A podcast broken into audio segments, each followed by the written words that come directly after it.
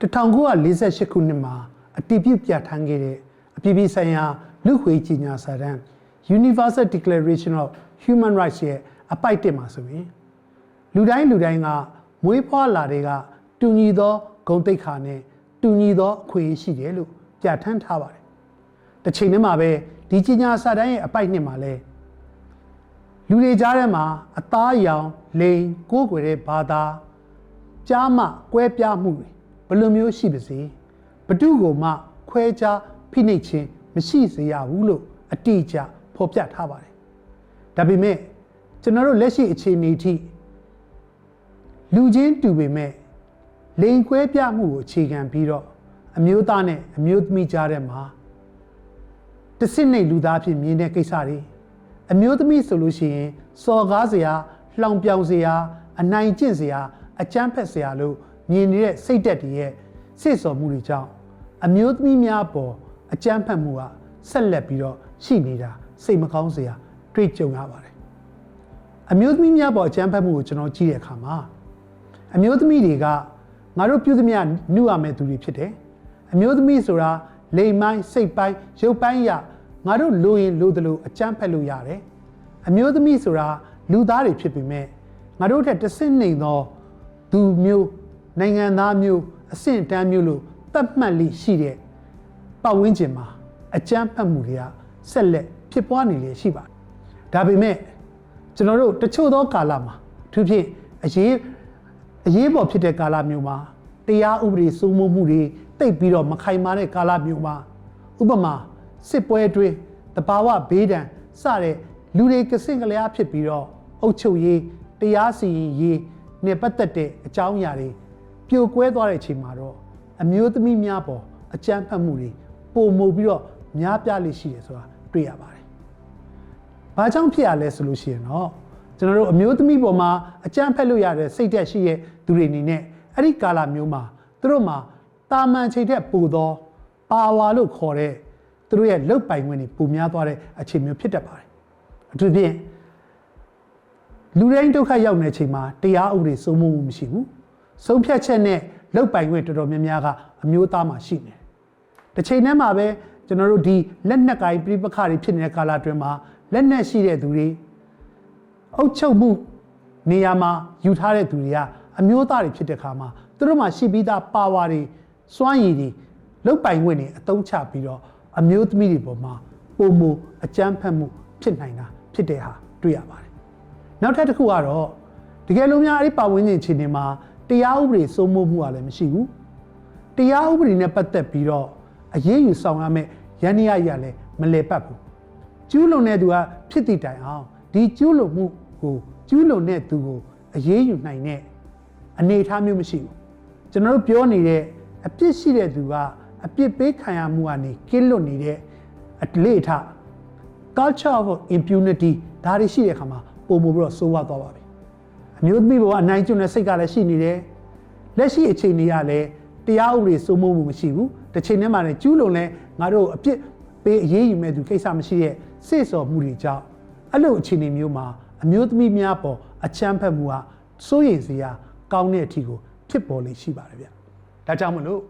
လက်နက်ကင်ပြပကတွေဖြစ်နေတဲ့ဒေသအတွင်းမှာတစ်ဖက်နဲ့တစ်ဖက်စန့်ကျင်ဘက်ဖြစ်တိုက်ခိုက်ရင်ဆိုင်တဲ့ကာလအတွင်းမှာအမျိုးသမီးများက တားကောင်ဖြစ်အသုံးပြုနိုင်တဲ့အသုံးပြုခံနေရတဲ့အခြေအနေမျိုးဆိုက်ရောက်တတ်ပါတယ်။ဒါဆိုလို့ရှိရင်အမျိုးသမီးများပေါ်အကြမ်းဖက်ခြင်းဆိုတာဘာတွေလဲကျွန်တော်သိရှိဖို့လိုအပ်ပါတယ်။အမျိုးသမီးများပေါ်အကြမ်းဖက်မှုမှာလိင်မိုင်းဆိုင်ရာအကြမ်းဖက်ခြင်း sexual violence ဆိုခေါ်တဲ့အမျိုးအစားကတော့အဆိုးဝါးဆုံးနဲ့ကျွန်တော်တို့အယုံမာဆုံးလို့ပြောလို့ရပါတယ်ဒီနေရာမျိုးမှာကျွန်တော်တို့ပြောနေကြတဲ့မတိတ်မှုကျူးလွန်တာဒါတခုတွေမကပါဘူးသူ့ရဲ့ဂုံတိတ်ခါထိခိုက်ဖို့အတွက်လိမ်မိုင်းဆိုင်ရာအဖြစ်ကျွန်တော်တို့ထိပါနှောက်ယှက်တာလိမ်မိုင်းဆိုင်ရာအကြောင်းအရာအခြေခံပြီးတော့အကြမ်းဖက်တာဒါမှမဟုတ်လို့ရှိရင်ဒီလိုမျိုးကိုတယောက်တည်းတင်လိမ်မိုင်းဆိုင်ရာအသုံးပြုတာမဟုတ်ဘဲနဲ့စိတ်တက်ကြဖို့အတွက်အစုလိုက်ပြုံလိုက်တက်ဖြတ်တာတွေဝိုင်းပြီးတော့အုပ်စုလိုက်မတိန်ကျင်တာတွေသူတို့အတင်းကျပ်ကိုဝင်ဆောင်ခိုင်းတာတွေဒါမှမဟုတ်ရရှိထားတဲ့ကိုဝင်တွေကိုအတင်းကျပ်ဖျက်ဆီးပြီးတော့စိတ်တက်ပိုင်းဆိုင်ရာလှုပ်ဆောင်တဲ့အကြောင်းအရာတွေဒါတွေရှိတတ်ပါတယ်။တစ်ချိန်တည်းမှာပဲ လက်နက်ကင်ပြပကတွေဖြစ်နေတဲ့ကာလသူသဖြင့်အကြမ်းဖက်မှုရင်ဆိုင်မှုတွေဖြစ်နေတဲ့ထိတ်တက်ရင်ဆိုင်နေတဲ့ကာလအတွင်းမှာဖြစ်ပွားတဲ့အမျိုးသမီးများပေါ်လိမ်မိုင်းဆိုင်ရာအကြမ်းဖက်မှုကတော့တော်တော်များများတွေ့ရပါတယ်ကမ္ဘာနိုင်ငံအသီးသီးမှာဖြစ်ပွားခဲ့တဲ့လက်နက်ကင်ပြိပခတွေမှာလည်းအမျိုးသမီးများကအကြမ်းဖက်ခံရတဲ့တားကောင်တွေဖြစ်အကြမ်းဖက်မှုကိုရင်ဆိုင်ခဲ့ရတဲ့သူများအဖြစ်ကျွန်တော်တို့ကြုံတွေ့ရပါတယ်ဒါကြောင့်မလို့ စစ်ပွဲကာလအတွင်းမှာအမျိုးသမီးတွေကိုလိမ်မိုင်းဆိုင်ရာအကြမ်းဖက်ခြင်းကိုစစ်ပွဲဆိုင်ရာရာဇဝတ်မှု war crime လို့သတ်မှတ်ပါတယ်ကျူးလွန်တဲ့သူတွေကလည်းရာဇဝတ်ကောင်တွေဖြစ်သတ်မှတ်ခံပြီးတော့အပြည်ပြည်ဆိုင်ရာတရားဥပဒေတရားစီရင်မှုလမ်းကြောင်းအရအပြစ်ပေးအရေးယူခဲ့တဲ့အစဉ်လိုက်လည်းရှိပါတယ်အကြမ်းဖက်စစ်ကောင်စီကအကြမ်းဖက်မှုနည်းမျိုးစုံနဲ့တိုင်းပြည်ကိုထိမ့်သိမ့်နိုင်မှုစူးစမ်းခဲ့တဲ့ကာလတည်းကစပြီးတော့ အမျိုးသမီးများပေါ်အကြမ်းဖက်မှုလိမ်မိုင်းဆိုင်ရာအကြမ်းဖက်မှုတွေကိုပုံစံမျိုးမျိုးနဲ့ကျူးလွန်ခဲ့တာတက်သေးထောက်ထားခိုင်လုံစွာရရှိပါတယ်ဆက်လက်ပြီးတော့လည်းကျူးလွန်နေစေဖြစ်တယ်ဆိုတာတွေ့ရပါတယ်ဒါကြောင့်မလို့အကြမ်းဖက်စစ်ကောင်စီရဲ့အမျိုးသမီးများပေါ်အကြလိမ်မိုင်းဆိုင်ရာအကြမ်းဖက်မှုနဲ့ပတ်သက်လို့လေ့လာကြည့်မယ်ဆိုရင်ပထမတစ်ခုကတော့တက်ကြွလှုပ်ရှားတဲ့သူတွေအမျိုးသမီးငယ်တွေပေါ်မှာလိမ်မိုင်းဆိုင်ရာအကြမ်းဖက်မှုပါ အဲ့တော့တက်ကြွလှုပ်ရှားမှုနဲ့ဖမ်းဆီးခံရတဲ့အမျိုးသမီးတွေကဖမ်းဆီးတဲ့ကာလအတွင်းမှာရောစစ်ကြောရေးမှာစစ်ဆေးတဲ့ကာလမှာရောအမှုတီဆောက်ပြီးတော့ထပ်ပြီးတော့ဒါနဲ့ပတ်သက်ပြီးတော့စစ်ဆေးမေးမြန်းနေတဲ့ကာလအတွင်းမှာရောလိမ်မိုင်းဆိုင်ရာအကြမ်းဖက်မှုတွေကြုံတွေ့ရတယ်ဆိုတဲ့အချက်တွေ့ရပါတယ်အမျိုးသမီးတွေဖြစ်တဲ့အတွက်ကြောင့်မို့လို့ရုပ်ပိုင်းဆိုင်ရာရက်ရုပ်မာစွာရိုင်းဆိုင်စွာဖြစ်ပြောဆိုတာသူတို့ရဲ့လိန်အနေထားသူတို့ရဲ့ခန္ဓာကိုယ်အနေထားကိုလှောင်ပြောင်တာ မကင်တဲ့မကင်တတ်သောနေရာတွေကိုကင်တွယ်ပြီးတော့လိမ်မိုင်းဆိုင်ရာအသားယူတာဒါအပြင်အစိုးဆုံးကတော့အမျိုးသမီးတွေကိုလိမ်မိုင်းဆိုင်ရာအကြမ်းဖက်မှုအသုံးပြုပြီးတော့ချိန်ချောက်တာမတရားပြုခြင်းတဲ့ကိစ္စတွေကျွန်တော်တွေ့ရပါတယ်နောက်ထပ်တစ်နည်းကတော့စစ်ပွဲတွေဖြစ်နေတဲ့ကာလအတွင်းမှာရှိတဲ့ပြည်သူလူထုတရက်လုံးအကြမ်းဖက်မှုခံစားနေရတဲ့ထဲမှာမှအမျိုးသမီးများတွေကပုံမူပြီးတော့လိမ်မိုင်းဆိုင်ရာစော်ကားမှုအကြမ်းဖက်မှု ကြုံတွေ့ရတဲ့အဖြစ်အပျက်တွေဖြစ်ပါတယ်စစ်ပွဲတွေဖြစ်နေတဲ့ဒေသတွေရွာတွေမှာအကြမ်းဖက်စစ်ကောင်စီရဲ့တပ်တွေကလက်နက်အားကိုနဲ့လှုပ်ချင်တယ်လို့လှုပ်လူချင်တယ်လို့လူနေတဲ့ကာလအတွင်းအမျိုးသမီးတွေလိမ်မိုင်းဆိုင်ရာအကြမ်းဖက်မှုများစွာကြုံတွေ့ရပါတယ်ဒါတွေရဲ့